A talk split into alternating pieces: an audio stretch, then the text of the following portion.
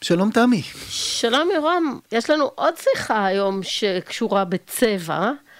אבל זה ממש לוקח אותנו למקום שלא אינטואיטיבית, אה, אולי היו מגיעים אליו אנשים אחרים שהיו עושים אה, פודקאסט על צבע. לפחות לא אנשים אה, לבנים כמונו. פריבילגיים. פריבילגיים, בהחלט, כי אנחנו הולכים לדבר באמת על דעות קדומות וצבע עור. עם דוקטור גדי בן-עזר. דוקטור בן-עזר הוא פסיכולוג קליני רב-תחומי ואנתרופולוג.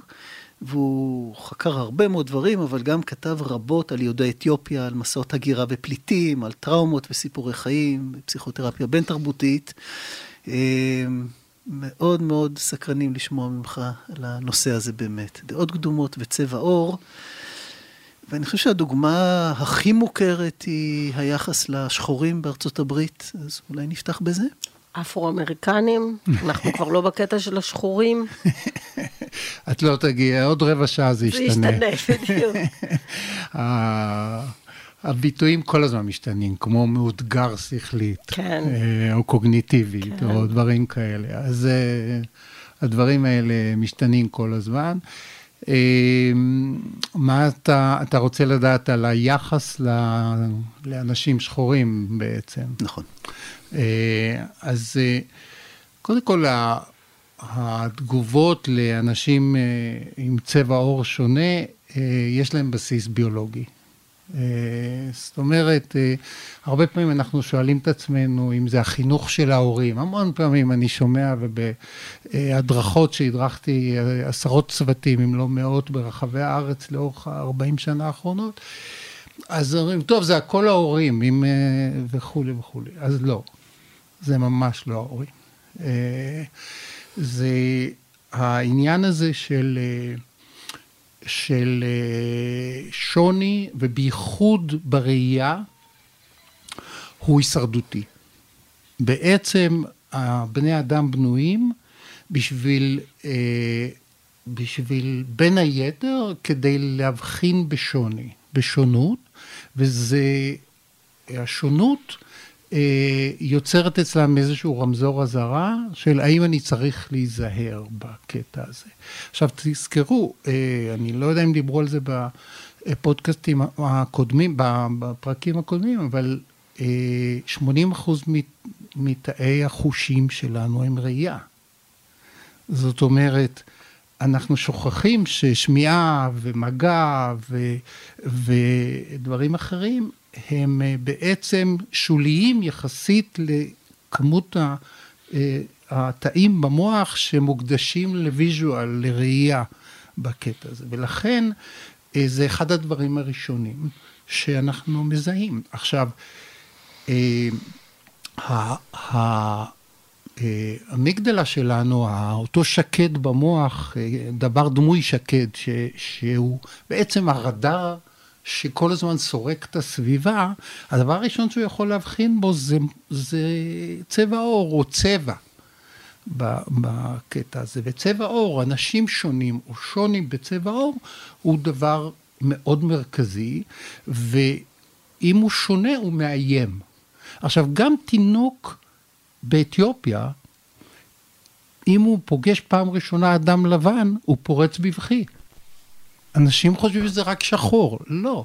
השוני הוא משמעותי. נכון שבהרבה תרבויות, כולל באתיופיה, שחור אה, יותר מקבל ערך נמוך יותר. ופה אנחנו לא יודעים, זה נתון לפרשנות, אם זה בגלל החושך והלילה והמפחיד וכל מיני דברים כאלה. אנחנו לא יודעים. כן, אני לפחות נזכר בסיפור על ה-Native Americans, שכשהם פגשו את האדם הלבן פעם ראשונה, הוא נראה להם חולה מאוד, כי נכון. הוא היה נכון. כל כך בהיר, כך שזה בהחלט לא אוניברסלי. ממש, ו- וכמו דברים אחרים, כמו נגיד באירופה, בזמנים מסוימים אנשים אה, אה, יותר אה, בעלי בשר נקרא לזה היום, נחשבו בריאים יותר, או בהודו, או... אז, אז הדברים האלה הם שונים. אותו דבר לגבי צבע העור. עכשיו, אני לא יודע אם דיברתם על זה גם, המוח הוא, הוא חסכוני. אז 90 אחוז מהראייה שלנו היא החוצה. היא מבפנים החוצה. אנחנו מנחשים מה אנחנו רואים. אנחנו לא רואים את הגירוי ואז מאבדים אותו, אנחנו רואים את הגירוי מבפנים החוצה, ומדעניות ומדענים של, של ראייה אה, מנתחים את זה ומראים את האות הולך מבפנים החוצה. כלומר, יש לך רמז, או יש לך רמז, אתה מסתכל על השולחן הזה, אתה לא סופר, יש פה ארבע רגליים, אה, זה שול, ולוח, אז זה שולחן. אתה רואה רגל אחת ומנחש החוצה שזה שולחן. אותו דבר בעניין של הצבע עור. אתה רואה החוצה ואתה מנחש סכנה. כי האמיגדלה... אה, והסכנה היא כי זה שונה. בדיוק. כי בעיקרון זה נכון. בעיקרון, אם אתה בסוואנה, או אם אתה בזמנו, בתחילת הדרך, אה, חיינו בקבוצות של 50 עד 150 איש, אז השונה הוא מחוצה לך והוא מאיים. הוא, הוא, הוא הולך לכבוש טריטוריה שלך, אוכל שלך וכולי. אז הדברים האלה הם, הם אה, בולטים והם אה, הישרדותיים, ובהרבה דברים בני אדם בנויים עדיין לאבו, מהאבולוציה לדברים שהם לא רלוונטיים היום, שהם או פחות רלוונטיים.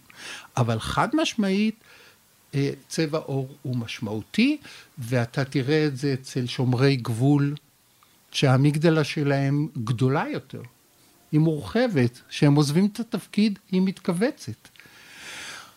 אתה תראה את זה אצל אנשים בלחץ, שאם שוטר הוא חודשיים לפני כן בלחץ משפחתי, הוא יראה יותר מהר באדם שחור, כי הלחץ הרחיב לו את האמיגדלה ויצר רגישות לסכנה.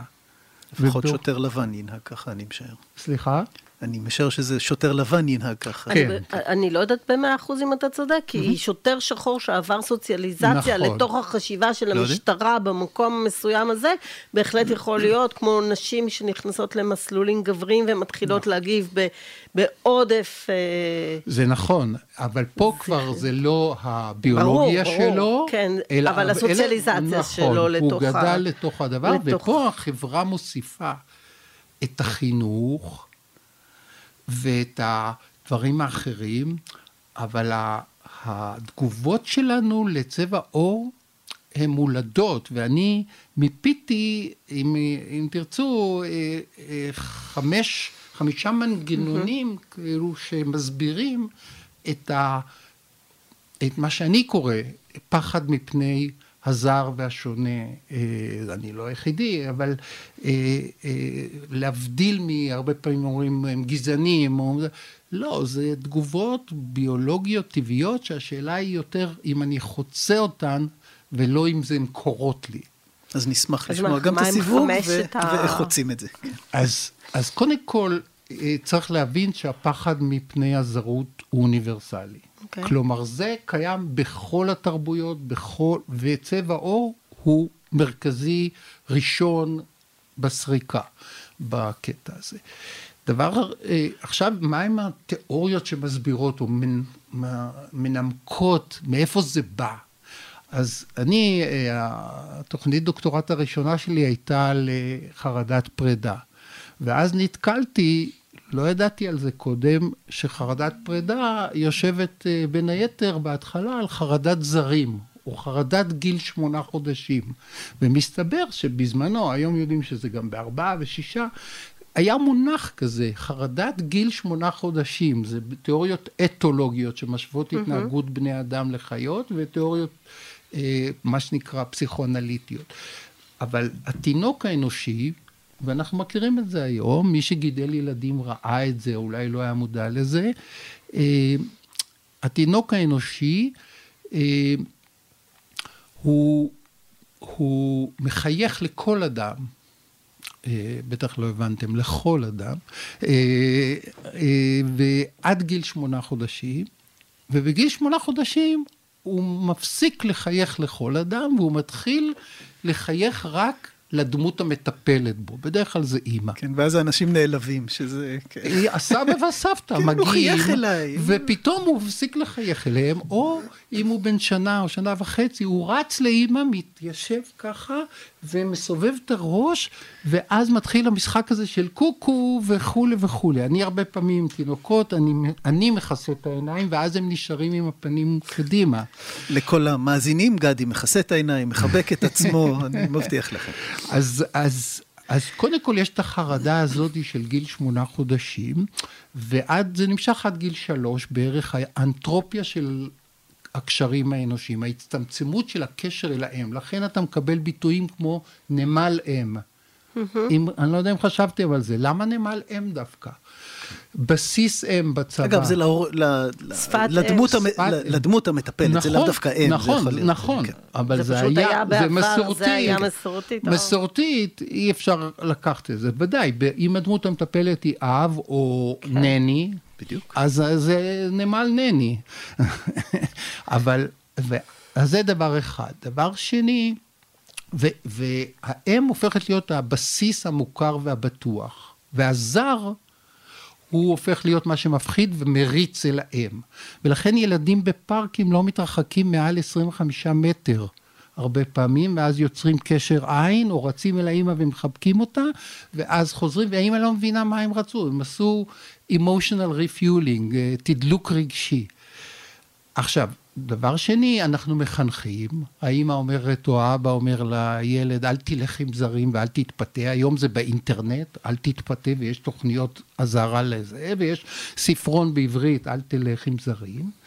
ודבר שלישי, יש לנו תבניות קוגניטיביות במוח, יש פסיכולוג בשם ג'ורג' קלי, שהוא לא הפסיכולוג החברתי, פסיכולוג קוגניטיבי, שמדבר על תבניות אישיות דיכוטומיות, כלומר דו-קוטביות, שאנחנו מפרשים את העולם דרך כל מיני דברים, שחור לבן או שחור אפור, או כל מיני דברים מהסוג הזה, וככל שבא משהו שהוא זר לנו ואחר, אז מתעורר, קשה לנו לפרש את זה, ואם הוא יותר מדי רחוק, אנחנו נכנסים קצת לחרדה. ועכשיו, כשהתינוק עוד צעיר, אז הוא גמיש, ו... או גמישה, ומסדרת לעצמה את זה, ומרחיבה את התבניות או משנה אותן. כשהבן אדם מבוגר, התבניות האלה יותר נוקשות. ואז אנחנו מקבלים אנשים שקשה להם עם ה...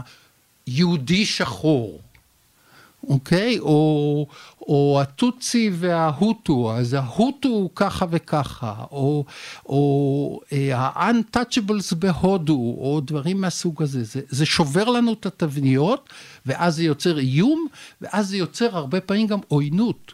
וקלי מגדיר יפה מה זה, הוא הגדרה מעניינת של עוינות, הוא אומר זה כפיית התבנית שיש לך בראש על המציאות.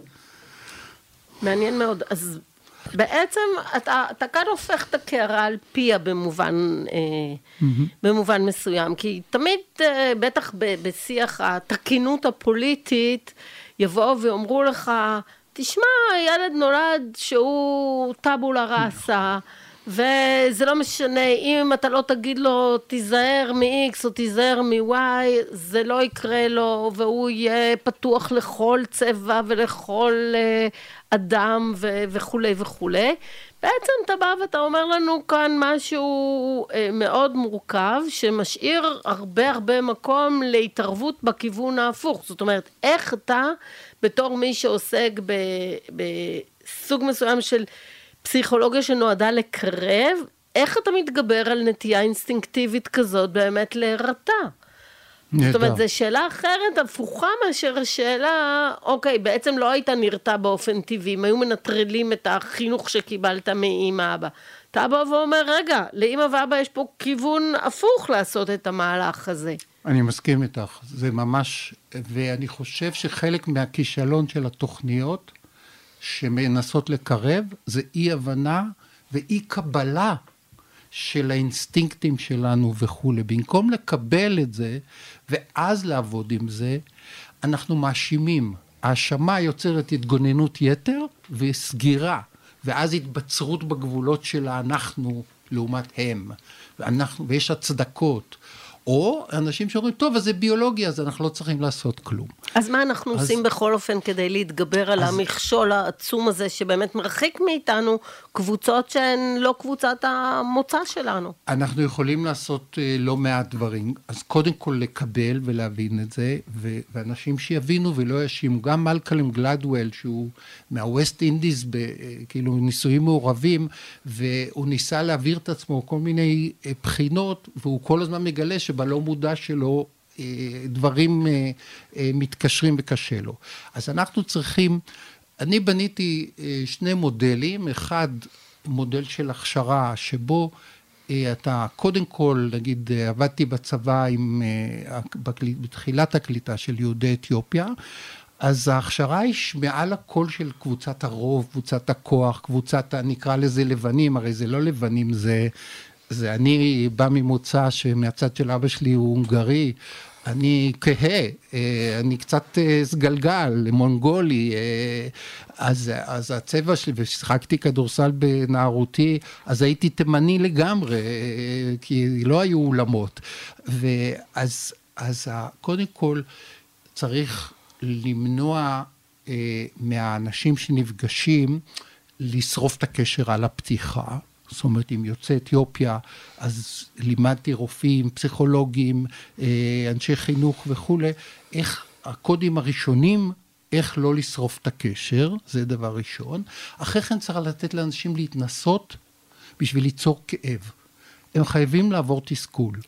תסביר. זאת אומרת, אנחנו לא משתנים אם אין לנו כאב. ו...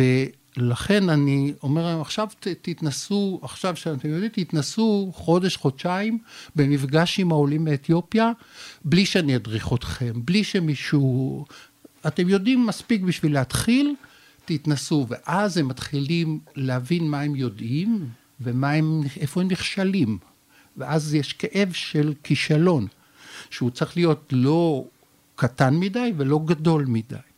ואז אתה עובד עם תהליך הדרכה, שאני מדבר על מכניזם דיאלוגי, שעובד עם זוגות של אנשים, שאז הם הופכים להיות מודעים לעצמם גם, ולמה שעובר עליהם. כי מישהי חולמת בלילה במרכז קליטה, ש... שמישהו שחור תוקף אותה. או דברים מהסוג הזה. מצד שני, היא פתאום אה, עושה את השיער מקורזל. והיא עובדת במרכז קליטה לעולי אתיופיה, אם בית, היא צריכה להבין את התהליכים האלה שעוברים עליה, ומצד שני, גם להתחיל להבין את הקודים ולהכיר אנשים, לא, לפחות אדם אחד או משפחה אחת, גם לעומק. כי אחרי צבע העור ואחרי שפת הגוף והפנים ו, וההליכה שהיא אחרת באתיופיה והחזקת הגוף שהיא אחרת, אחרי זה באים ערכים. כמו אה, כבוד אה, להורים, בחירת מקום המגורים לפי ההורים ולא לפי הילדים בהכרח, החינוך שלהם. אתה צריך להבין את הדברים האלה ולכבד אותם, או, או לחשוב איך, מה עמדתך עליהם וכולי. אז אתה צריך לעבוד עם זה. דבר שני, המודל השני שפיתחתי זה, קראתי לו מרחב היצירה המשותפת, שזה מודל של אה, בניית מרחב משותף שבו הוא מורכב מה, מהקודים והערכים של שנינו. אז, אז אם אה, אה, יוצא אתיופיה אה, לוחץ את היד בצורה מסוימת, אז לימדתי את עצמי ללחוץ את היד בצורה מסוימת. הוא אומר שלום בצורה מסוימת, אז לימדתי את עצמי. מה זה משנה? אה, אני פסיכולוג קליני וארגוני ופוגש, זה לא משנה. אה, ובמכלל מינהל שבה לימדתי, כל הספרייה היא כל האזור של הספרייה הציבורי הוא עם תערוכת צילומים של יוצאי אתיופיה, ובכל בניין של המכללה יש אה, צילום שמפנה אליה, צילומים אומנותיים של מישהי שעבדה איתי סביב המושג הזה. אז אתה, חלק אתה צריך לזהות, במושג יש שבע תת קטגוריות, אחת זה זיהוי והבחנה. למשל, אני בא לכפר נוער שנקרא ימין אורדו, וה... המדריכות אומרות לי, לא, הם כבר לא אתיופים, הם ישראלים. אוקיי, וכולי, ואז אני מלמד שבאתיופיה, שרוצים להגיד, אה, אני שומע אותך, לא עושים כמו אצלנו במערב, ומהנהנים, אלא עושים... אוי, זה כאילו... אגב, גם בשוודיה. בשוודיה, בשוודיה עושים ככה. כן. ברצינות? עכשיו אני מבינה בש- משהו שאני רואה בסרטים שוודים, ואני אף פעם לא מבינה מה- למה יש להם קוצר ראייה, קוצר נשימה פתאומי. בדיוק.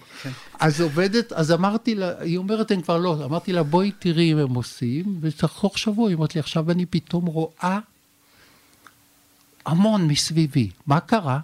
זה בדיוק תחילת השיחה שלנו. מה שיש תפיסה סלקטיבית, מה שאת לא תופסת במוח, אין לך קטגוריה, את גם לא רואה. ואז את מתעלמת. מדהים. את מתעלמת, ואז עובדת סוציאלית שסיפרתי לה, אז אמרת, וואו, אתמול ישבה אצלי אישה אתיופית, ו... וכל פעם שאמרתי משהו, היא עשתה, אז חשבתי שהיא נבהלה, אז עברתי לנושא אחר. עכשיו, האישה אומרת לה, אני שומעת אותך, תמשיכי, וזאת עוברת לנושא אחר. אז קודם כל אנחנו צריכים לזהות, אחרי כן לקבל, אני לא אכנס לזה, ואחרי כן לאמץ לפעמים, אחת התת קטגוריות זה אימוץ. אז מה שעשיתי עם, עם תנועת היד, זה צורה אחרת של אה, שלום אתיופי. אבל גם אני אימצתי, אתה יכול לאמץ את זה לצד המקצועי שלך, הצורה שאני עובד איתם, עם פתגמים ובאמהרית הרבה פעמים, ואתה יכול לאמץ את זה גם לאישי לפעמים. למשל, הילדים שלי, הסיפור שהכי הם אוהבים, כסיפור בלילה, הם עכשיו כבר גדולים, אני כבר לא מספר, אבל הם זוכרים את זה, זה הסיפור על איזב, ילדה יוצאת אתיופיה בת שש, שהולכת בדרך עם גנת, החברה שלה, והם עושים את המסע מאתיופיה. וקורים להם דברים בדרך. זה הסיפור שהם הכי אוהבים. וכשעשו מזה שיר ש... של גרוניך בזמנו, שיר המסע, מהחומר שלי, אז הבת שלי בת החמש רצה אליי ואמרה, אבא, אבא, יש שיר על הסיפור שאתה מספר לי. אז אני יכול לאמץ דברים גם למישור המשפחתי. והילדים שלי מכירים אה, פתגמים אתיופיים. אה, נגיד, המרחב היצירה המשותף, מה שאנחנו עושים פה עכשיו זה למשל אה, חוט, אה, חוטים דקיים מגולגלים יחדיו, או קורי עכביש מגולגלים יחדיו, יקשרו אפילו אריה. אז, כן. אז אם אנחנו לבנים וחומים, הרי זה לא שחורים וזה לא לבנים, אבל נניח קטגוריה סוציולוגית, לבנים ושחורים, נתגלגל ביחד, אנחנו נוכל לקשור הרבה דברים. אז מה אפשר לעשות? אפשר להתייחס לעולים מאתיופיה, או לשחורים בכלל, או לאחרים, או לשונים בכל דבר, כמתנה. בשבילי, עולי אתיופיה הם מתנה לחברה הישראלית, והיא לי אישית. אני צמחתי אישית ביכולת שלי לטפל, ביכול... מהעבודה, מהאתגור שאתגרו אותי. ואני, הילדים שלי צמחו מהדברים האלה, הם, הם חלקם, הם, הם הולכים עם זה, לא ישירות, והחברה הישראלית צומחת מהאתגר הזה, בתנאי שהיא תיקח אותו בשתי ידיים ותתמודד. ועם עם הכוח ועם הכאב. אבל במקום להתמודד עם הכאבים של עוד דור או שניים, של ההפגנות של 2015 ו-2019 והעצבים שעצרו אותנו ברחוב ומי שהיא יולדת, אפשר למנוע את הדברים האלה. יצרתי תוכנית טלוויזיה בתור יועץ שר חינוך, שנקראת דרך העיניים שלנו. שבע שנים הייתה בימי שישי, ובכוונה עשיתי אותה באמהרית וטיגריניה, שתי השפות, אבל עם, עם כתוביות לעברית. אמרו לי, בשביל מה? אתה עושה את זה הרי בשביל העולים מאתיופיה. אמרתי להם, לא, אני רוצה שהחברה הישראלית תוכל לראות. 20% מהצפייה היה של ישראלים ותיקים או אחרים, או לא משנה מה. אז בוא נאתגר אותך כאן, כי זה, אנחנו יכולים ללכת עם זה ולהרגיש מאוד טוב, הנה יש פתרון. אבל במקביל לעולים מאתיופיה, יש את העובדים הזרים ומבקשי המקלט מסודאן ומאריתריאה. עכשיו, אתה יודע, זה כמו שכל הסינים אותו דבר, וכל הלבנים בעיני הסינים אותו דבר, אז גם כל מי שעורו שחור בישראל אה, נתפס אותו דבר, ולצורך העניין האתיופים כאן סובלים בגלל הדבר הזה, כי אם לא היה האלמנט של אחרים שאולי אנחנו לא מעוניינים כל כך, או חלק מהציבור הישראלי לא מעוניין כל כך, או אולי אפילו הם מאיימים עליו, כי חלקם מגיעים ממדינה מוסלמית ואנחנו לא יודעים בדיוק מאיזה קטע של הדבר הזה הם באו. אז איך אתה מפתח את הרגישות הזאת של אה, איך בכלל אתה יכול באמת ל, ל, לנסות ל, ל, ל, לומר, אוקיי, גם בתוך כהי האור יש קבוצות שונות ואנחנו צריכים איכשהו לקבל כלים כדי להבחין ביניהם, כי הרי באמת האתיופ, יוצאי אתיופיה, בין אם הם יהודים ובין אם הם אה, ספק יהודים לפי חלק מה, מהפרשנויות, הרעיון הוא לקלוט אותם כחלק אינטגרלי. לגבי העובדים הזרים, גם אם אתה רוצה שהם יישארו כאן, הם עדיין, אתה לא הופך אותם לחלק אינטגרלי מהחברה הישראלית. איך אתה עובד על ההבחנות היותר mm. דקות האלה, לא על ההבחנה של שחור לבן, על uh, חום שחום. Uh... שאלה מצוינת, uh, ואני זוכר את אווקה זנה, עורך דין, שהגיע בגיל 19, פגשתי אותו במכלל המינהל, הוא היום אה, מנהל אה, היחידה ל... אה, לטיפול בגזענות של, שמתאמת בין משרדי הממשלה. ואני זוכר אותו כשהגיעו, הוא מספר לי שהוא הולך לבית המשפט בדרום תל אביב, ועוצרים אותו כמהגר עבודה, אה, השוטרים וזה, והוא הפך להיות פעיל מאוד רציני של זכויות אדם למען מהגרי העבודה האריתראים והסודנים וכולי וכולי.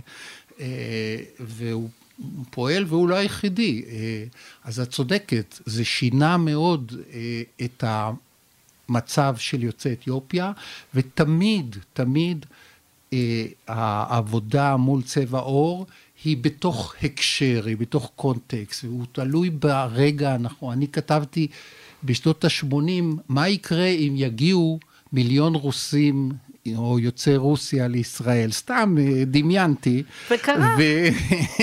וקרה. אז, אה, אז את צריכה, אה, קודם כל את ההתכוון, בבודהיזם אומרים שחלק גדול מהמדיטציה שלך לחיות את הרגע זה להתכוון לחיות את הרגע.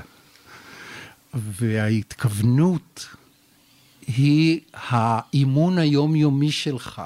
הדלאי למה יום יום מתכוון לעזור לאנשים בעולם. והוא עובד על זה.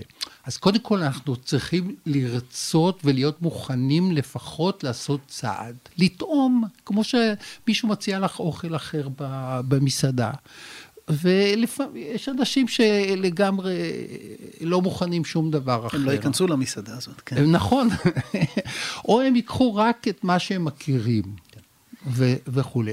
בעמדה הזו מאוד קשה, אבל כחברה למזלנו, אנחנו שונים אחד מהשנייה, והשוני התוך-תרבותי הוא תמיד גבוה מהשוני הבין-תרבותי. אנשים לא יודעים את זה, אבל השוני התוך-תרבותי הוא הרבה יותר אה, מגוון, ולכן את יכולה לעבוד, ובתוך יוצאי אתיופיה יש שוני, גם בשפה, ויש אפילו עוינות, הלכו מכות. הקבוצה שאני עבדתי, עבדתי תשע שנים באשקלון, הגיעו לשם בלילה אחד, אחרי מכות בבאר שבע, 16 אה, משפחות של אה, יוצאי וולקאי, טיגריי וכולי, שחטפו מכות מהגונדרים, מהדוברי אמהרית שם, בתוך יוצאי אתיופיה, ויש מעמד של בריה, אנשים שהיו עבדים באתיופיה, והוכנסו הביתה וכאילו גוירו חלקית, אבל לא מתחתנים איתם בתוך יוצאי אתיופיה. וגם בקרב יוצאי אתיופיה יש העדפה לתינוק שנולד יותר בהיר, והם לא עברו קולוניזציה, אי אפשר לייחס את זה לקולוניות ולבריטים וכולי. אז אנחנו צריכים להתכוון להכיר את הקבוצות השונות, ולבדוק עם כל קבוצה מה היא זקוקה. אז אני עובד עם, התייעצו איתי, אבל אני גם עובד עם, בהתנדבות עם, עם אה, מהגרי עבודה שעוברים כל מיני דברים וכולי, וחלק מהעניין זה צבע עור. עמותת טבקה, שאני בחבר הנאמנים שלה למשפט וצדק ליוצאי אתיופיה, הצליחה בבג"ץ עכשיו לתרום לחברה הישראלית כולה. למה? שנתיים נאבקים על זה ששוטרים לא יוכלו לבקש תעודות זהות ללא חשד. ולפני כמה שבועות, זה בטח ראיתם כן, בעיתונות, כן, זה נכנס לנורמה ואנשים לא זוכרים שזה בזכות יוצאי אתיופיה שתרמו גם למהגרי עבודה כן. מצד אחד וגם לאחרים, כי כל ילד יוצא אתיופיה, כל סטודנטית שלי בפתח של האוניברסיטה בבן גוריון או במכללה, במכללה המינהל, תביא תעודת זהות או תביאו תעודת זהות וכשפעם איזה סטודנט שלי אמר לשוטרים אה, אה, משהו, איזה מילה, אז השוטר אה, אמר לו, או, גדלתם. אז הוא אמר לו, לא, דווקא היינו ככה באתיופיה. אז הוא אומר לו, אתה רוצה לגמור בשתא מעצר? הסטודנט הזה כבר, לבחינה של מחר, הפסיד שעתיים שלוש אחרי כן. בזה.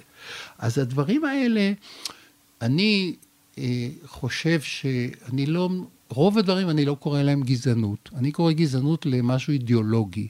הדעות קדומות והסטריאוטיפים הם תגובה טבעית. גם ההתקפה הישירה.